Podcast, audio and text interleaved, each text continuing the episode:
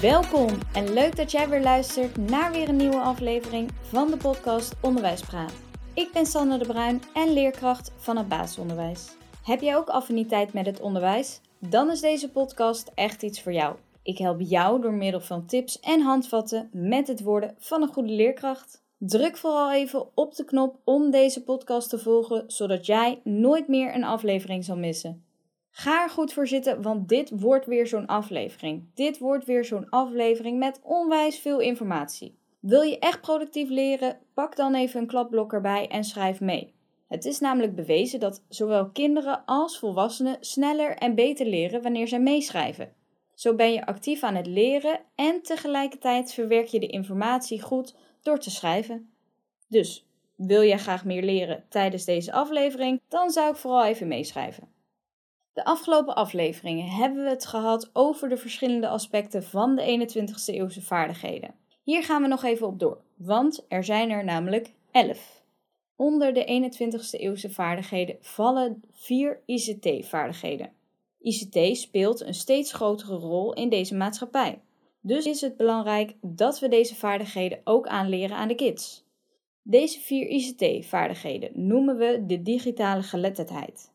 Als jij beschikt over de vaardigheden die vallen onder de digitale geletterdheid, dan zou jij beschikken over de vaardigheden om te leven, leren en werken in een samenleving waarbij communicatie en toegang tot informatie groeit door digitale technologieën, zoals internetplatforms, social media en mobiele telefoons. Diverse wetenschappers beweren dat de digitale geletterdheid alle vaardigheden omvat die jij nodig hebt om je in de digitale samenleving staande te houden en jezelf te ontwikkelen. Deze vaardigheden zijn opgedeeld in vier aspecten, namelijk de informatievaardigheden, de ICT-basisvaardigheden, mediawijsheid en computational thinking.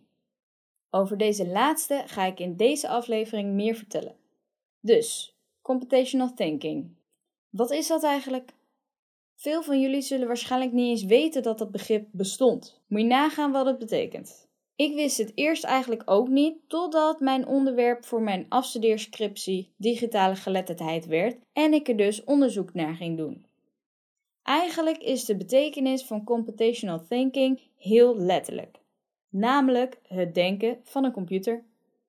Computational thinking wordt door Kennisnet en SLO gedefinieerd als het procesmatig kunnen formuleren van problemen, zodat de computer deze kan oplossen. Kinderen kunnen hun probleemoplossend vermogen ontwikkelen door in stappen te denken.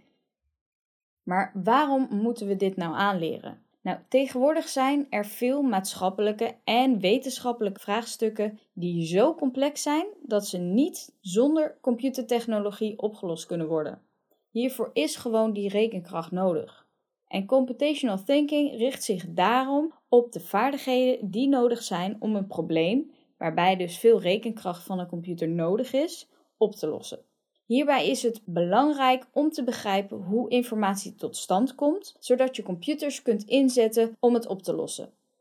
En ook het denken in stappen is belangrijk en de juiste volgorde vinden van de gegevens. Voor het inzetten van computertechnologie is inzicht in algoritmes en inzicht in procedures van belang. Even in het kort, een algoritme is een reeks instructies om vanaf een beginpunt een bepaald doel te bereiken. En een procedure is een verzameling activiteiten die in een bepaalde volgorde uitgevoerd moeten worden. Natuurlijk is er voor computational thinking ook weer een leerlijn, net zoals alle andere aspecten van de 21ste eeuwse vaardigheden.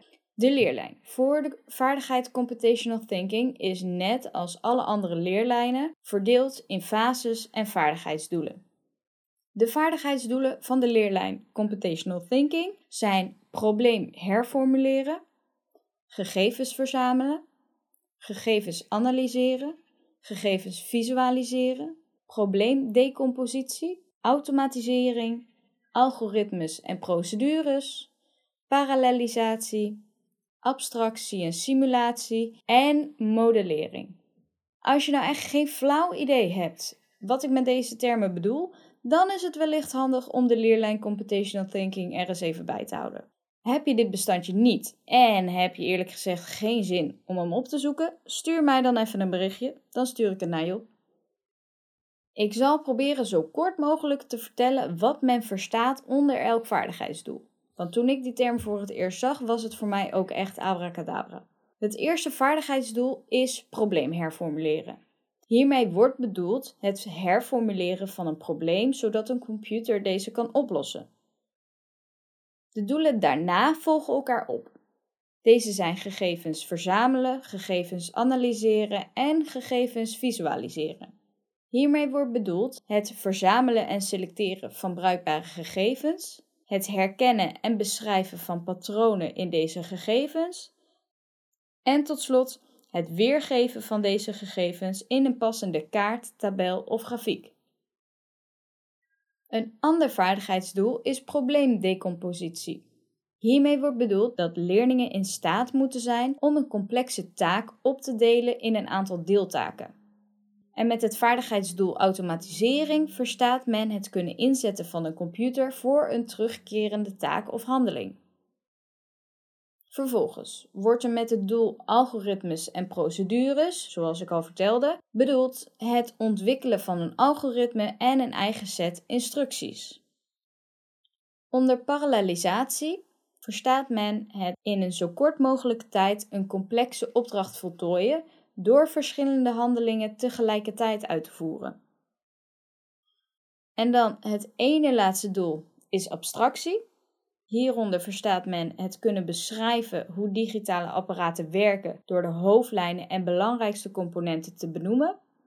En tot slot is het laatste vaardigheidsdoel van computational thinking simulatie en modellering.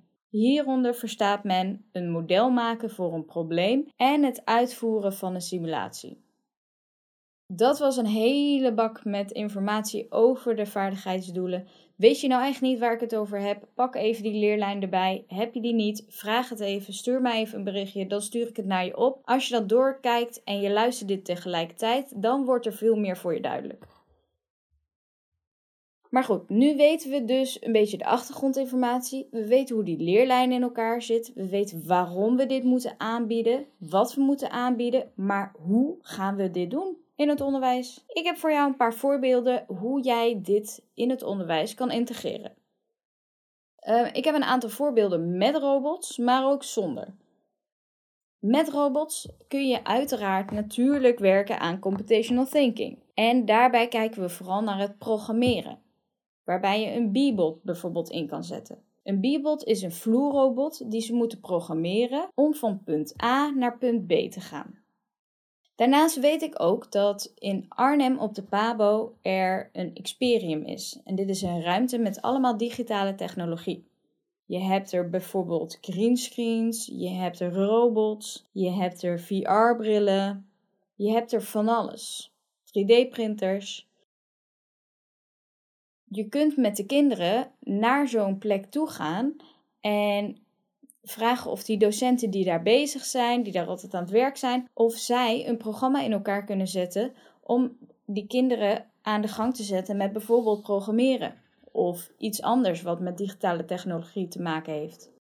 Is echt onwijs leuk. Ik weet niet hoe het op de andere pabo's eruit ziet of dat zij ook zo'n ruimte hebben. Ik denk het wel, maar ik weet niet of dat op elk pabo zo is. Daar zal je even naar moeten kijken. Wat ook een leuke robot is om in te zetten, is een microbit. En een microbit, je bouwt daarmee iets wat kan bewegen. Dus je zet iets in elkaar en uiteindelijk kan dat voorwerp bewegen. Dus je moet hem op een bepaalde volgorde in elkaar zetten. Wil je dat hij gaat werken?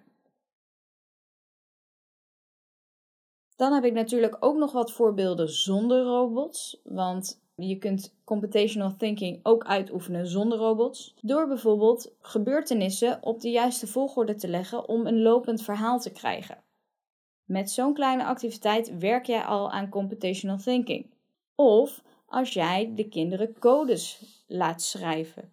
Dus ze moeten een brief schrijven met codes. Wat ook ontzettend gaaf is, is het maken van een animatiefilmpje. Dus dat zij foto's moeten gaan maken waarbij ze een voorwerp steeds iets meer verplaatsen, waardoor je uiteindelijk een verhaal krijgt van foto's achter elkaar. Wat ook leuk, leuk is, is Lego Mindstorms. Ook hiermee ben je aan de slag met computational thinking. En een laatste voorbeeld is het maken van een presentatie of een werkstuk. Waarom? Omdat je een einddoel hebt en je moet jouw grote taak opdelen in kleine taken. Waar begin je mee? Wat doe je daarna? Wat doe je daarna? En waar eindig ik? Ook daarmee ben je al bezig met computational thinking. Heb jij nog meer ideeën nodig? Stuur mij dan even een berichtje en ik zal zeker even met je meedenken. Dat was het weer voor deze aflevering. Ik hoop dat het waardevol was voor jou en dat jij hier voor jezelf en in de klas mee aan de slag kan. Wil jij deze podcast helpen groeien? Laat dan vooral even een review achter. Deel de podcast in je Instagram story en tag mij erin, genaamd Onderwijspraat. Als ik dit zie, dan deel ik het zodat wij elkaar kunnen helpen aan meer kijkers. Help ook je vrienden, medestudenten en collega's door deze podcast met ze te delen. Wil je meer van mij zien? Volg mij dan vooral even op Instagram, genaamd Onderwijspraat. Zo ben je altijd optimaal op de hoogte. Hierop vind je foto's, filmpjes, quotes en aankondigingen van nieuwe afleveringen. Stuur mij vooral even een berichtje of reageer in een comment. Vertel wat je ervan vindt en waar ik jou mee kan helpen. Bedankt voor het luisteren naar deze aflevering. Ik zie jou bij de volgende. Doei doei!